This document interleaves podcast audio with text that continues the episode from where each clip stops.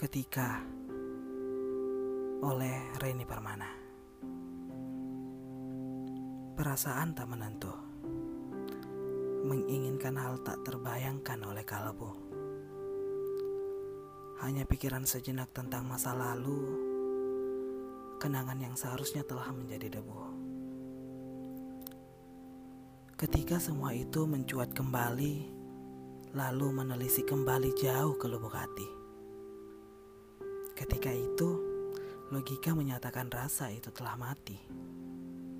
Tapi, secuil rasa konspirasi berkhianat bertahan dalam hati. Dia yang pernah membawa separuh jiwa, datang mengusik tiba-tiba. Dengan senyum seindah senja, membuat logika lumpuh seketika.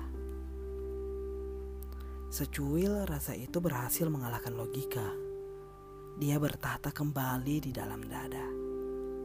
Untuk kesempatan yang kedua, salahkan logika yang lemah, ataukah memang hati yang tak pernah benar-benar membunuh rasa?